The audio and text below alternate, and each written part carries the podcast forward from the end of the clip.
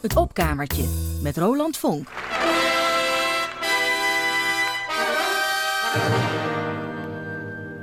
No one likes us, I don't know why. We may not be perfect, but heaven knows we try. But all around, even our old friends put us down. Let's drop the big one and see what happens. We give them money, but are they grateful? No, they're spiteful and they're hateful. They don't respect us, so let's surprise them. We'll drop the big one pulverize them. The Asia's crowded, Europe's too old.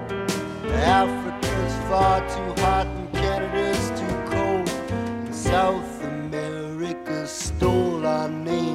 Let's drop the big one, there'll be no one left to blame us. We'll save Australia. Don't wanna hurt no kangaroo. We're building all American amusement park there. They got surfing too.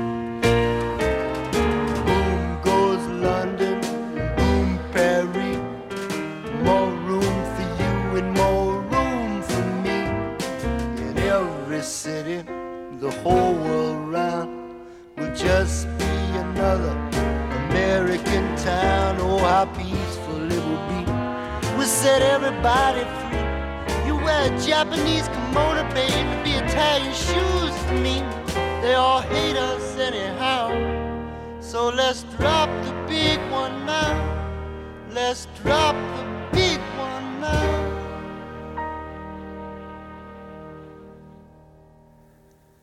Randy Newman aan het begin van deze aflevering van Het Opkamertje. Randy Newman met het nummer Political Science, een satirisch lied over de botte buitenlandpolitiek van Amerika.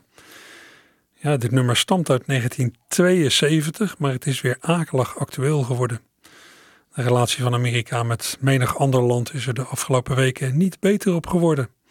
Met dank aan de nieuwe Amerikaanse president Donald Trump. In het refrein van Political Science klinkt de aansporing om op allerlei niet-Amerikaanse wereldsteden een bom te gooien. Een bom te gooien. Eens kijken wat er gebeurt. Maar we redden Australië. Want we willen geen kangeroe wat aandoen. Nou, het is een beetje de ironie voorbij dat Trump afgelopen week nou uitgerekend dat land, Australië, schoffeerde in een telefoongesprek met de minister-president ervan. Naar verluid gooide Trump binnen een half uur de horen op de haak, om het maar ouderwets te zeggen. Toch een beetje griezelig hoe één man, één grillige, kwaadaardige narcist de hele wereld in zijn greep kan houden. We zijn er ook nog niet klaar mee. Mede doordat er mensen zijn die zijn lompe optreden steunen. Wat, ja, wat ik toch maar moeilijk invoelbaar vind. Tijdens zijn campagne al, tijdens zijn campagne al afgelopen jaar in de verkiezingen voor het presidentschap, toen zag je dat er mensen waren in Amerika die hem steunden tegen hun eigen belang in. Latino's bijvoorbeeld. Hoezeer Trump er ook op hamerde dat hij een muur ging bouwen langs de grens met Mexico en hoezeer hij ook afgaf, afgaf, op, afgaf op Mexicanen en andere immigranten, toch kreeg hij ook uit die hoek steun. Ja, misschien van immigranten die zich zo sterk hebben aangepast dat ze de denkwereld van oerconservatieve, patriotistische, blanke Amerikanen hebben overgenomen. Latino's voor Trump. Het bestaat. Trump, Trump, Trump, this Latino gonna vote for Trump. Trump, Trump, Trump,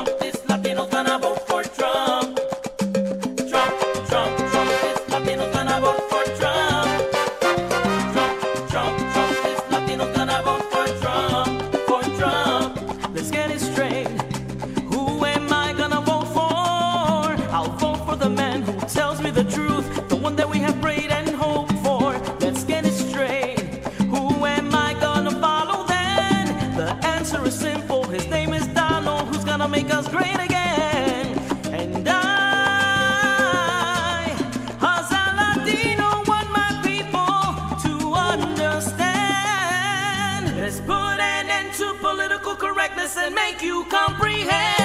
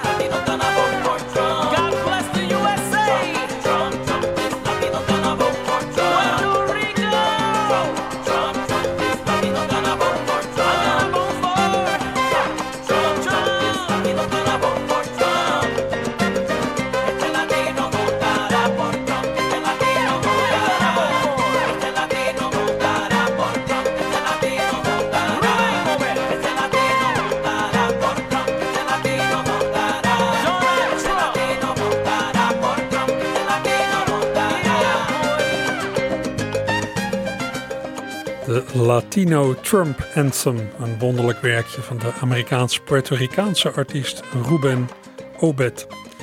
Ja, muzikaal niet onverdienstelijk natuurlijk, maar inhoudelijk, ja, tikkie twijfelachtig wat mij betreft. Het is bijna, om een groteske vergelijking te maken, alsof een Joodse zanger de glorie zingt van het Derde Rijk. Ja, dan waren andere liedjes die opdoken tijdens de strijd om het Amerikaanse presidentschap makkelijker te plaatsen. Zoals de volgende van het Australische, daar zijn ze weer, DJ-duo Fitzy en Wippa uit oktober van het afgelopen jaar. Toen Trump al allerlei controversiële uitspraken had gedaan en zijn vrouw Melania een geplagieerde toespraak had gehouden. He discriminates. He intimidates. He manipulates. He just regurgitates. He said, build a wall straight from the start, which got a big on the ethnic card. Gun control, please explain. He said, bang, let's make America great again. But something's bugging us, we've been trumped. You've had more marriages and you've gone bankrupt.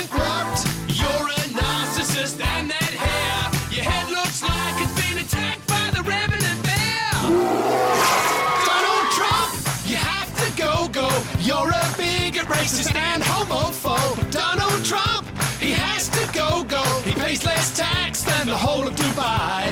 Donald Trump, Do not vote, vote. Think you're the next generation YOLO. But Donald Trump, He has to go, go, whoa. And we'll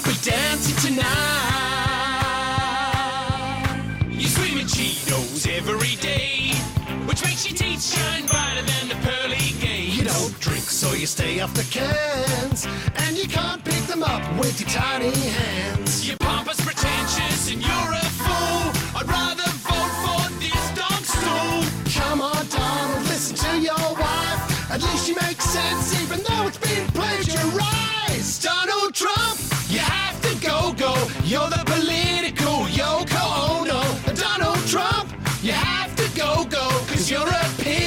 misogynist guy. Donald Trump, You have to go, go. We'd like to thank you through the voice of Dido. And I want to thank you.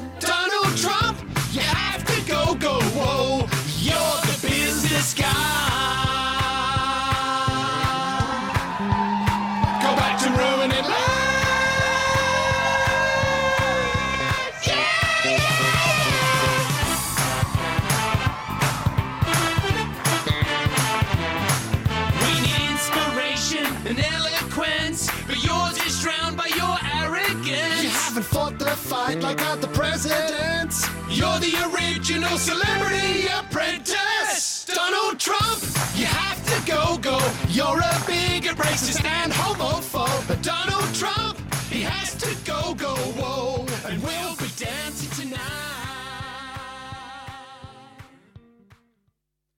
Fitzy en Wippa waren dit in oktober afgelopen jaar met een cover van Wake Me Up Before You Go Go, een nummer dat u kent van het duo Wham met George Michael. Wham had hier een hit mee in 1984 en George Michael, ja, die zou deze cover nog hebben kunnen horen in oktober afgelopen jaar voor zijn veel te vroege dood op eerste kerstdag. Ja, en ik weet niet hoe, eh, hoe goed u heeft geluisterd naar de tekst, maar er kwamen er net een paar geweldige zinnen voorbij. Wat dacht u van deze? Donald Trump, you have to go go. You're the political Yoko Ono. Tja. Yoko Ono, die voor sommigen nog steeds de vrouw is die de Beatles uit elkaar heeft doen gaan. Nou, zo erg is Trump dus in dit satirische liedje. Maar het is een satirisch liedje met wel een serieuze ondertoon toch. Serieus en bezorgd zijn ook de commentaren van heel wat psychiaters en psychotherapeuten over de geestelijke gezondheid van Trump. Er is een regel onder psychiaters dat je geen conclusies trekt uit iemands gedrag als je die persoon niet zelf hebt onderzocht. Maar nogal wat leden van die beroepsgroep in Amerika voelen zich geroepen om die regel in dit geval te laten voor wat hij is. Vrij algemeen zien psychiaters in Trump een gevaarlijke narcist. En psychotherapeuten die zich hebben verenigd in een soort platform tegen Trump hebben laten weten dat ze niet stil willen blijven nu ze een soort Amerikaanse vorm van fascisme zien ontstaan. Grote woorden, maar ja, komt wel ergens vandaan. Trump als geestelijk gestoorde, het is ook weer niet zo'n vergezochte observatie. Hij past ook in een aardig rijtje van Amerikaanse presidenten met geestelijke problemen. Lang voor Trump zouden vijf Amerikaanse presidenten tijdens hun presidentschap hebben geleden aan een depressie. Vier hadden een angststoornis. Johnson en Roosevelt hadden een bipolaire stoornis. Reagan was mogelijk al aan het dementeren tijdens diens presidentschap. En meerdere presidenten hadden problemen met alcohol, verslavingsproblematiek. En George Bush, ja, George W. Bush, die leek gewoon niet al te snurrer. Op allerlei vlakken, maar ja, om één dingetje te noemen, ooit zwaaide hij naar Stevie Wonder. Nou, denk daar maar eens over na. Misschien, zo zei een satiricus in de tijd al tijdens het presidentschap van Bush, moeten we hem wel een beetje sparen. Want ja, je gaat een, je gaat een gehandicapte toch niet zitten uitlachen. De betreffende satiricus Roy Zimmerman. Now, I want to make it clear I don't hate George Bush. Do you hate him? Yes. Always some haters. I don't hate him. Every time I try to listen to him and I find that I can't hear him because there's somebody screaming, and it turns out it's me. And I have a theory about the whole Bush administration that it's one vast, well orchestrated conspiracy to make Nixon look rational. And it's working. Nixon looks rational, Reagan looks fiscally responsible, Dan Quayle looks like a genius. and I've begun to feel sorry for Bush. No, I have, because we've all had jobs we weren't qualified for. We've all taken bad advice. We've all given an impromptu back rub to the Chancellor of Germany. Who hasn't? so I say, lay off.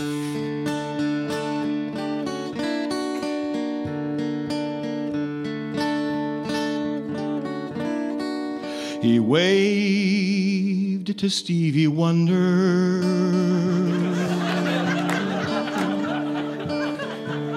Remember?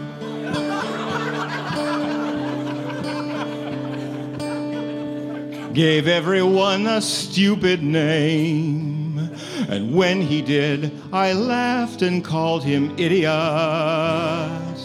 But now I see him clearly, and my heart is filled with shame. The words my mama said keep ringing in my head. She told me, Don't make fun of the crippled boy.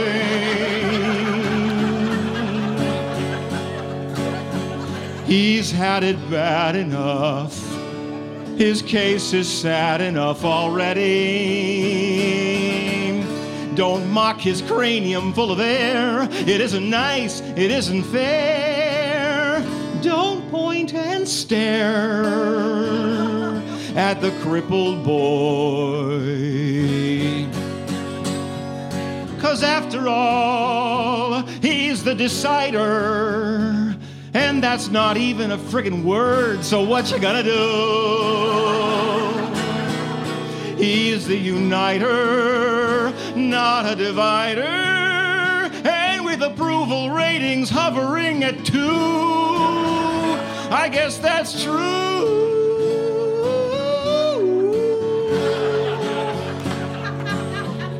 He can't help his handicap.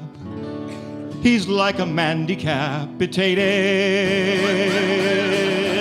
Just make him happy for a while. When he says nuclear, just smile.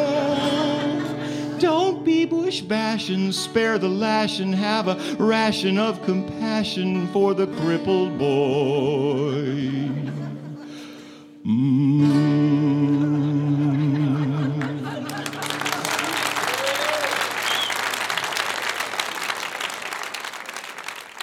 Roy Zimmerman in 2008 tegen het eind van het presidentschap van George W. Bush. Een lied vol, zogenaamd, medelijden. Goed gedaan. Mooie observatie ook dat de regering van George Bush een soort samenzwering was om Nixon redelijk te doen lijken. Op internet zag ik die vergelijking inmiddels verder doorgetrokken. Na de uitverkiezing van Trump verscheen een foto van een proostende Bush met daarop de tekst: Amerika, veel geluk en je dacht dat ik een idioot was. Politieke landschap aan de overkant van de Grote Plas is er sinds Bush niet gezelliger op geworden, is mijn indruk. Republikeinen en Democraten ze staan in allerlei kwesties lijnrecht tegenover elkaar. Hoe kun je die polarisatie nou in eenvoudige bewoordingen weergeven? Nou, Democraten zijn meer voor hulp aan zwakkeren. Republikeinen zetten steviger in op eigen verantwoordelijkheid. Neem bijvoorbeeld iemand die honger heeft. Je kunt zo iemand een vis geven, dan heeft hij een dag geen honger meer. Je kunt zo iemand ook leren om te vissen. Dan kan hij voor zichzelf zorgen en hoeft hij nooit meer honger te lijden. Een democraat zal iemand een vis willen geven. En een republikein? Give a man a fish and you'll feed him for a day. Teach a man to fish and you'll feed him for a lifetime. The problem with Democrats is they only want to give the man a fish. Right? Whereas Republicans want to give the fish to people who already have a lot of fish. Nogmaals, de Amerikaanse satiricus Roy Zimmerman. Ja, dat liedje was eerder afgelopen dan u dacht. Maar de conclusie was keihard. Nu uh, zong die van zijn cd The Faucets on Fire van twee jaar geleden. U snapt aan welke kant van het politieke spectrum Roy staat. Dat blijkt ook uit een lied van hem dat hij in 2011 opnam. Vote Republican, stem Republikeins. Over de ja, leugens waarmee Republikeinse politici kiezers proberen te paaien op bijna hypnotiserende manier verkopen ze aantoonbare onzin. Zoals dat naar olie boren op zee helemaal veilig is. Dat belastingverlagingen voor de rijken banen creëert. En dat grote ondernemingen heel goed zichzelf in de gaten kunnen houden. Vote Republican. Offshore drilling is completely safe. You're getting sleepy. Tax cuts for the rich create new jobs. You're getting sleepy. Financial corporations will police themselves, and illegal aliens are stealing all your pens. Now, when I count to three and snap my fingers, you'll awake refreshed and vote Republican. White people are the real victims of racism. You're getting sleepy. Fox News is fair and balanced. Sleepy. Healthcare is a privilege and not a right. We can work together to wipe out the middle class.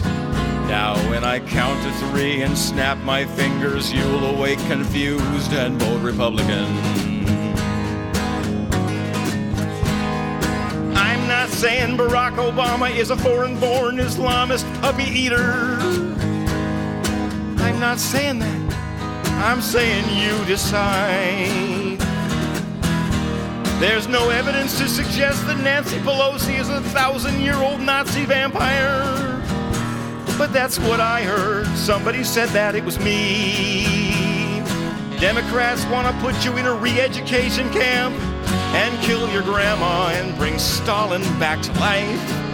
Now, when I count to three and snap my fate, Republican.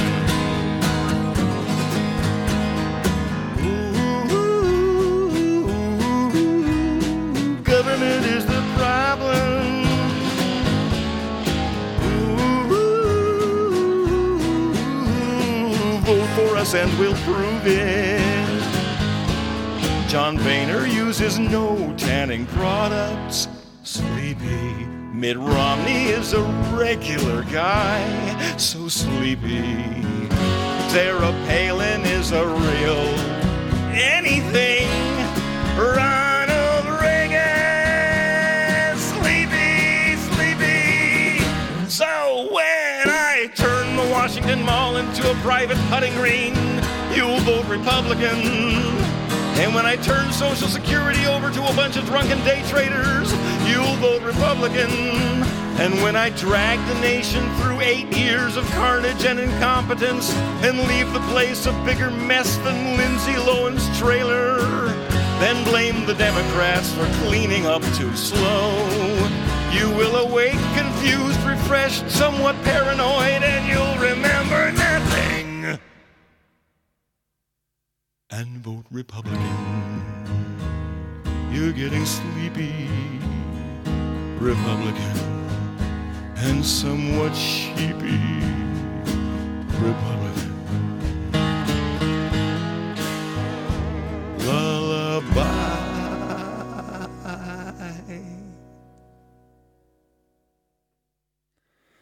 Roy Zimmerman op de CD You're Getting Sleepy uit 2011. Mooi lied. Al zal hij met zulke liedjes vooral voor haar eigen parochie preken, vrees ik. Tegenleggers op de weg van de beschaving laten zich eh, vrij slecht de weg wijzen. Ja, dat zie je ook in de kwestie van de door mensen veroorzaakte klimaatverandering. Wetenschappers zijn het erover eens. De aarde warmt in rap tempo op en dat komt door onze CO2-uitstoot. We moeten actie ondernemen en snel. Maar ja, waarom zouden we wetenschappers geloven? Trump gelooft er niet in en allerlei dwaallichten om hem heen evenmin. Vorige week nog gaf Trump milieuagentschap EPA het bevel om websites over klimaatverandering offline te halen. Kort na de beëd- beëdiging van Trump verdwenen pagina's over dat onderwerp al van de site van het Witte Huis. Wetenschappers schijnen afgelopen weken overuren te hebben gedraaid om backups te maken van jaren aan Amerikaans klimaatonderzoek, want je weet maar nooit wat ermee gebeurt. Nou, in die situatie zitten we nu, te idioot voor woorden. De feiten mogen niet meer spreken, omdat de machtigste man van de wereld ermee in gevecht is. Het is niet van vandaag of gisteren dat Trump klimaatverandering afdoet als kletskoek. Net als het leeghoofd Sarah Palin, dat ook net al werd genoemd in een liedje. En de Republikeinse senator James Inhofe en popheld Ted Nugent. Toch allemaal mensen met een respectabele staat van dienst in de wetenschap, niet waar? Twee jaar geleden al maakte Roy Zimmerman een lied over deze generatie van publieke figuren. Hoe zullen zij ooit herinnerd worden? Nou, hij begint zijn lied over hen een tijdje terug met wat verrichtingen van andere beroemdheden. Verrichtingen die u zich vast nog wel kunt herinneren.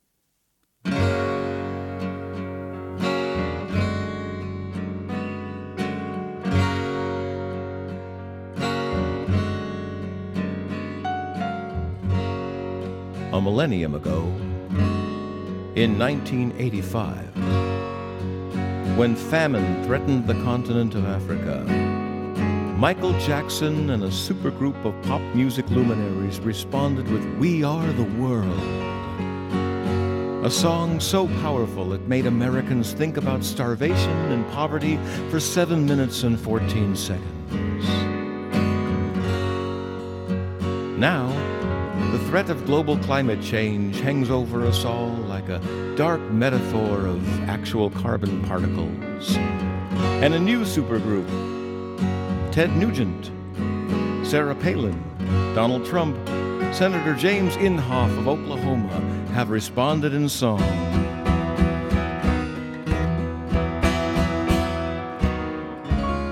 There comes a time when the planet's going to hell and we all wake up and smell the permafrost.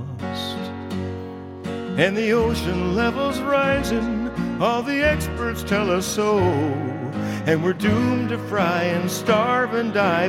What do experts know? We are the worst ancestors ever. No, there has never been a generation than us.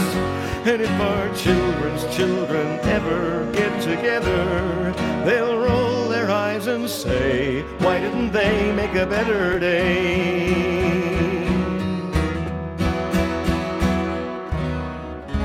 Take it from me, global warming is a hoax perpetrated by the folks who make those wind farms. Yes, Virginia, there's a Santa Claus, but there isn't a North Pole. I said, come on, people, let's get together and win the war on coal. We are the worst ancestors ever. No, there will never be a generation worse than us.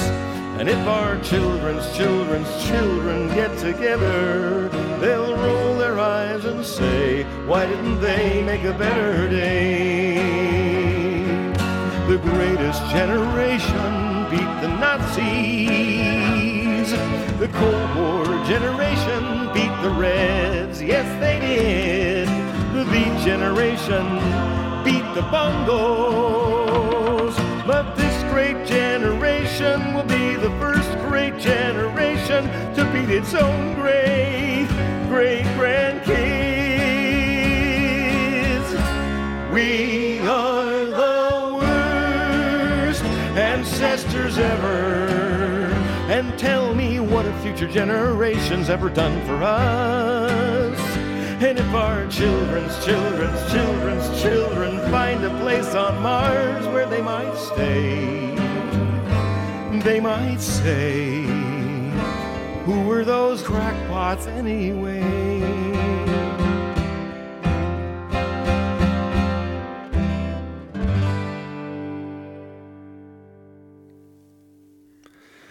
Roy Zimmerman op zijn cd The Faucets on Fire uit 2015. Geweldige liedjesmaker, ik zeg het nog maar een keer. Groot satiricus. Met uh, ja, ook mooie grapjes terzijde, zoals voor de goede verstaander daarnet. The Greatest Generation beat the Nazis, Amerikanen in de Tweede Wereldoorlog. The Cold War Generation beat the Reds tijdens de Koude Oorlog. The Beat Generation van de jaren 50. They beat the bongo's. Die sloegen op de bongo. Heel goed. En ja, onverstandige, kortzichtige, ijzervretende leiders die anderen in de ellende storten. Dat is natuurlijk van alle tijden. Hè? Zo heb ik hier een veelzeggend lied van folklegende Pete Seeger, een lied uit 1967. Hij situeert dat lied weliswaar in 1942, dat zegt hij ook in de tekst, maar toehoorders in de jaren 60, toen hij dit lied maakte, die legden meteen de link met die vermalendijde strijd van Amerika in Vietnam, die toen in volle hevigheid was losgebarsten. Het is een beetje zoals de tv-serie MASH. Kent u nog wel? Ja, die was weliswaar geplaatst in de oorlog in Korea. Maar die werd door kijkers beleefd als een serie over de oorlog in Vietnam. Nou, zo is het met dat liedje van Pete Seeger ook een beetje. Dat lied werd in de jaren 60 hier en daar zelfs geboycott. Ja, het stuitte op zo'n grote weerstand, zo'n kritisch lied. Het lied gaat ja, over een troepje mannen dat door een kapitein, een troepje mannen, soldaten, dat door een kapitein de verkeerde kant op wordt gestuurd met de, ja, de nodige gevolgen.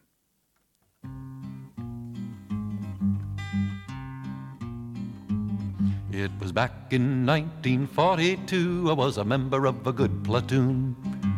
We were on maneuvers in Louisiana one night by the light of the moon. The captain told us to ford a river, that's how it all begun. We were knee deep in the big muddy, the big fool says to push on. The sergeant said, Sir, are you sure this is the best way back to the base? Sergeant, go on, I forded this river about a mile above this place. It'll be a little soggy, but just keep slogging, we'll soon be on dry ground. We were waist deep in the big muddy, the big fool says to push on. Well, the sergeant said, Sir, with all this equipment, no man'll be able to swim. Sergeant, don't be a nervous Nelly, the captain said to him. All we need is a little determination, men. Follow me, I'll lead on. We were neck deep in the big muddy, the big fool says to push on. All at once, the moon clouded over, we heard a gurgling cry. A few seconds later, the captain's helmet was all that floated by. The sergeant said, Turn around, men, I'm in charge from now on. And we just made it out of the big muddy with the captain dead and gone. We stripped and dived and found his body stuck in the old quicksand.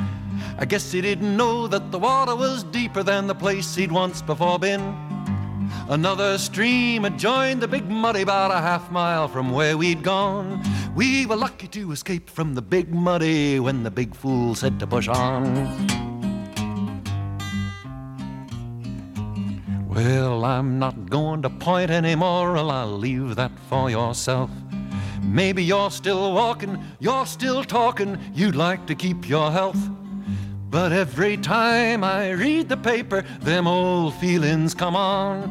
We're waist deep in the big muddy, the big fool says to push on. Waist deep in the big muddy, the big fool says to push on. Waist deep in the big muddy, the big fool says to push on. Waist deep, neck deep, soon even a tall man will be over his head. We're waist deep in the big muddy, the big fool says to push on. Pete Seeger in 1967. Vrij lied over falend leiderschap. Dat voor de goede verstaander ook ging over een big fool als president Lyndon Johnson. Zonder dat die man expliciet werd genoemd. Ja, en dat natuurlijk net zo makkelijk kan gaan. Over andere big fools, lui die het voor het zeggen hebben en die onderdanen de ellende insturen.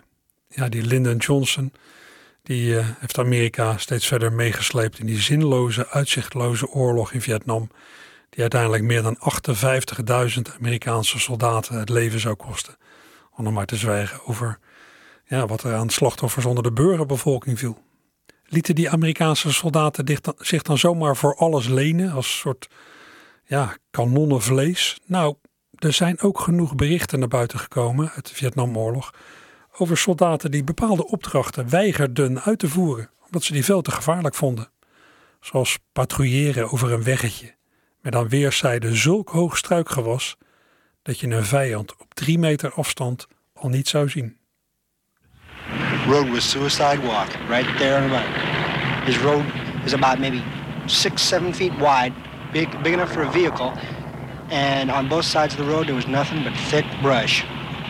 You could have had a goop three feet inside that wood line and you couldn't have seen him for love nor money. Was there a rebellion today? You might call it that. Back in the world, they call it rebellion. Here, it's just downright refusal. We had the whole company. CEO says, okay, we're going to walk the road. And the whole company says, no, negative. We heard too many companies, too many battalions want to walk the road. And uh, that's why they aren't what they are now. They've been blown away. I'm sorry, sir. My men refuse to go. What's that again, Lieutenant? The colonel yelled over the field telephone connecting battalion headquarters with A Company. The battle weary men of A Company were under orders to move one more time down the mountain under heavy fire from enemy snipers and retrieve their dead buddies. For almost a week they obeyed their orders and tried to move down the mountain, only to be slaughtered one by one by the hidden enemy and pushed back. By this time, the men that were left in A Company were in a state of total exhaustion, and now a desperate young lieutenant shouted again. Sir, my men refuse to go. Do those men realize the consequences of disobeying an order? The colonel said. It's no use, Colonel. I know my men. We're almost wiped out. Some of them have only a few weeks to go in Vietnam, and they want to get out in one piece. The colonel was silent. Suddenly, he turned to his exec officer and one of his toughest sergeants and ordered them to get over to A Company and talk to the men. Do anything, tell them anything, kick them in the butt, but get them moving. So they went over and found A Company beaten and battered. Their uniforms were torn and filthy. All right, you guys, move out, the sergeant yelled. No one moved. Then one of the boys shouted back, We ain't slept in almost a week. They've given us no hot food. We've had no mail. Sure, they fly in enough ammunition and supplies, but what about the little things that make a war like this bearable? Now you want us to go out and get killed off one by one. One boy looked like he wasn't a day over 15, was shaking, began to cry. Then the sergeant began to argue with one of the boys and said his company had simply had it, and why hadn't replacements been sent in? The sergeant barked back. Well, Soldier D Company's lost all but 15 men, and they're still pushing on. A calculated lie. Then the soldier asked, What made him do it? And the sergeant answered, Some men have got it and some men don't, and I guess D Company's got guts. One of the privates, a 19 year old, became furious and ran toward the sergeant with his fist up and yelled, Are you trying to tell us that we ain't got guts? We ain't yellow. The sergeant turned away and started down the bombed out area to where the company commander was waiting. He looked back and saw the men of Company A getting their equipment and weapons together and slowly falling into formation. And they followed him down the battle scarred mountain. And A Company had gone back to war. Ja, en dat was een soort Amerikaanse cowboy Gerard. Die je vast nog wel kunt herinneren. Deze man heet Don Meehan. Hij vertelde over Amerikaanse soldaten in Vietnam die aanvankelijk weigerden om een opdracht uit te voeren en uiteindelijk toch gingen. Ze werden het gevaar ingepraat, zoals dat zo vaak gaat. Ook op veel grotere schaal. Amerika is in 1965 grondtroepen naar Vietnam gaan sturen na een incident in de Vietnamese Golf van Tonkin. Daarmee begon de Vietnamoorlog van Amerika. President Johnson wilde al een tijdje ingrijpen in Vietnam, maar het congres gaf geen toestemming. Pas toen een Amerikaanse torpedojager tot twee keer toe door Noord-Vietnam was aangevallen op zee in de Golf van Tonkin, ging het congres over, overstag. Twee aanvallen op een Amerikaans schip. Schande. Ja. Maar inmiddels wordt ervan uitgegaan dat die tweede aanval verzonnen was en de eerste uitgelokt. Het ging ook maar om een heel klein aanvalletje. Het incident was nodig om te bereiken wat Johnson wilde. En waar doet dat dan denken? Aan de inval in Irak door Amerika onder George W. Bush na de aanslagen op het WTC in New York. Irak had met die aanslagen uit 2001 weliswaar niks te maken, maar de regering Bush wilde Irak al langer aanpakken en gebruikte die aanslagen om de angst voor dat land te voeden. Want ja, Irak had massavernietigingswapens, weet u nog? Nou, niet dus, zo bleek later. De havikken Dick Cheney en Donald Rumsfeld hebben Amerika ook toen meegezogen in de Big Muddy. De Big Muddy die toen de Tweede Golfoorlog ging heten.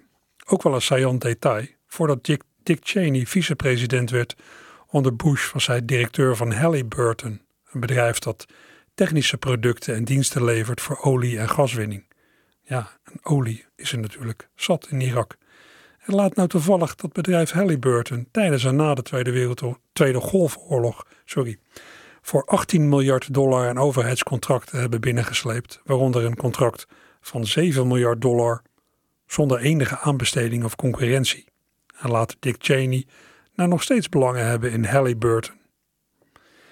Ik weet niet hoe ver moet je gaan om te spreken van belangenverstrengeling. Tuurlijk, Saddam Hussein was een schurk en de wereld zal niet snel vergeten hoe hij uit zijn ondergrondse schuilplaats werd getrokken. Maar aan de Amerikaanse kant wemelde het ook van de schurken, van de neoconservatieve hardliners die hun land wel heel gretig een oorlog inrommelden. Thank God we finally had us a war. It's what neocons have been hankering for. Rivers of gore we can wave the flag o'er, flaunting our superpower status, wringing our hands saying, Why do they hate us? And thank God we finally nabbed you, Saddam, you horrible threat to our dear Uncle Sam. After you spent nine months eating goat on the lamb, while we liberated your country, slashing and burning and saving just one tree the Ministry of Oil. Saddam shame, Saddam shame, we all had to learn your damn name. Only three questions remain Hussein, Hussein, Hussein. Iraq is the front in the war against terror. Might be because we invited them there. Perhaps there's some terrible clerical error. Maybe a faulty equation, like 911 equals US invasion. We are not nation builders, we know that for certain. We're building the sovereign state of Halliburton, ignoring the guy there behind the big curtain. driving around feeling groovy. A star spangled banner on every SUV. So damn shame, so damn shame, we all had to learn your damn name. Only three questions remain Hussein, Hussein, Hussein. We put you on trial for a jury of your peers. Twelve bloody dictators with no careers to decide how you'll spend your retirement years and your legacy now that you've fallen. Hitler, but littler, or Stalin, but a small smallin'. It's an interesting story how we came to hate you. If you'd never existed, we'd have to create you and send Donald Rumsfeld to interrogate you and fillet you. You were ruthless and cruel, and you knew it. You oppressed that whole nation. Now, how did you do it? Saddam Shane. That's my Donald Rumsfeld impersonation. An abstract impressionist. Hussein, Hussein, Hussein. We shocked and awed 'em and went to the showers. Mission accomplished. Hey, where's all the flowers? The tyrant is vanquished and Baghdad is ours. I mean, theirs. the incoming Iraqi government, or as they say, the Iraqi government incoming. Still, you'd have to say somebody screwed you if your travel agent sent you to Fallujah. So damn shame, so damn shame. We all had to learn your damn name. Only three questions remain Hussein, Hussein, Hussein. Yes, only three questions remain Hussein, Hussein, who knows? En dat was dus nogmaals Roy Zimmerman. Het lijkt wel een soort Roy Zimmerman special vandaag.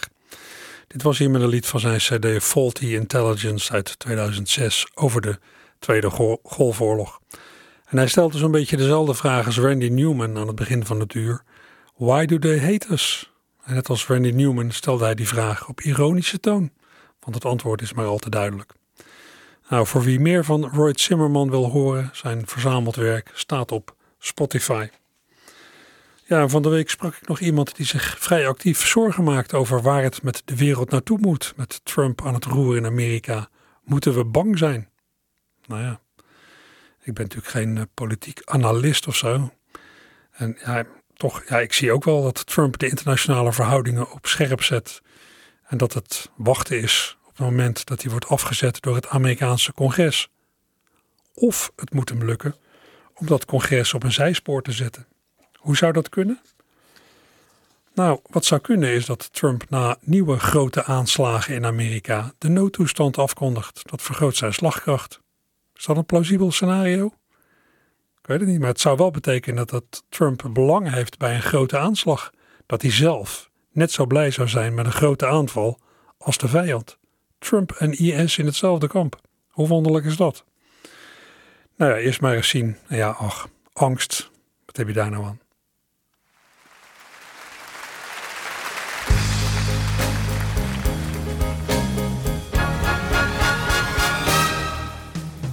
Gisteren nacht, ik kon alweer niet slapen. Ik lag te woelen in mijn ledikant. Telde honderdduizend witte schapen. En die bleven maar staan en die keken me aan. En ik riep, ga nou eens aan de kant. Ik wil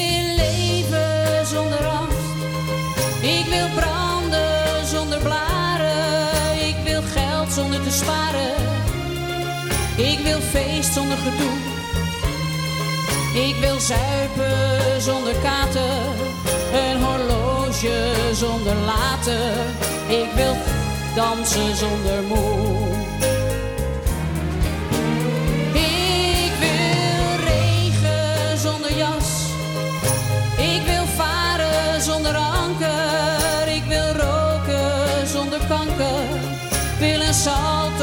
Zonder net. Ik wil alles weten zonder boeken, alles vinden zonder zoeken. Ik wil slapen zonder bed. Jij zei vannacht, joh, je bent niet goed lekker. Je woont niet zomaar gratis op Soesdijk. In het zweet uws aanschijns zult gij uw brood verdienen. En toen keek ik je aan en toen wou ik je slaan, want je had zo vervelend gelijk.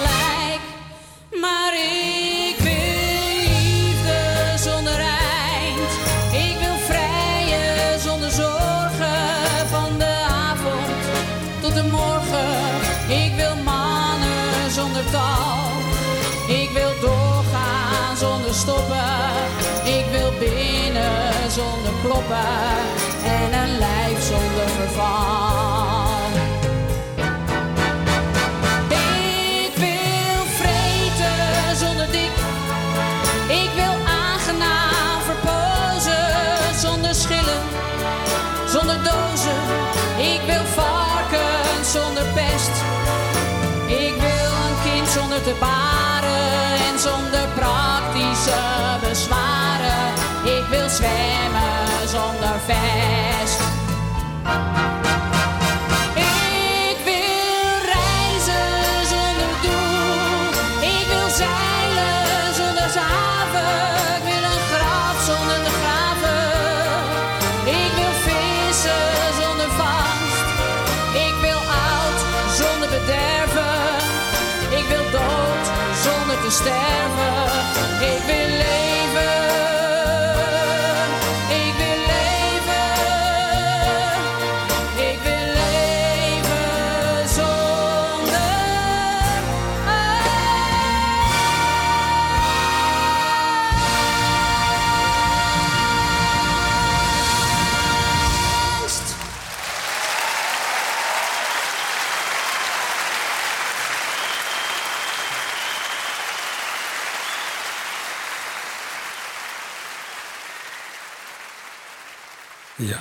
Een geweldig nummer. Wat daar vast ook herkent, hè, die stem, was die stem van eh, Brigitte Kaandorp. Eh, dit was ze van haar cd live in Amsterdam, opgenomen in 2004. Geweldig, leven zonder angst. Eh, dat lijkt me ook eh, de, meest comfortabele manier om het leven tegemoet te treden. Ik moet mezelf nog wel even een klein beetje corrigeren. Ehm, in dit hele eh, politieke betoog van het afgelopen uur heb ik mezelf één keer vergalopeerd. Ja, niet zo heel erg wat, eh, wat betreft denkbeelden, maar ik had het over die eh, Vietnamese soldaten, of die Amerikaanse soldaten in Vietnam, die geen drie meter, eh, op geen drie meter afstand de vijand konden zien. Maar dat was natuurlijk één meter, want three feet, drie voet is ongeveer een meter. Nou ja, probeer maar eh, mailtjes daarover te voorkomen. Je weet het nooit waar mensen op letten. Eh, dit was het opkamertje voor eh, vandaag. We vullen de laatste minuut met de kotsgitaar van Gerhard Norholz. Volgende week is er geen opkamertje. Dan neemt de sport het over. En eh, zometeen ook weer sport. Daar maak ik graag plaats voor. Die eh, jongens van de sport doen heel veel luisteraars een plezier. Dus volgende week geen eh, opkamertje, maar de week daarna dan ben ik er weer. Tot dan.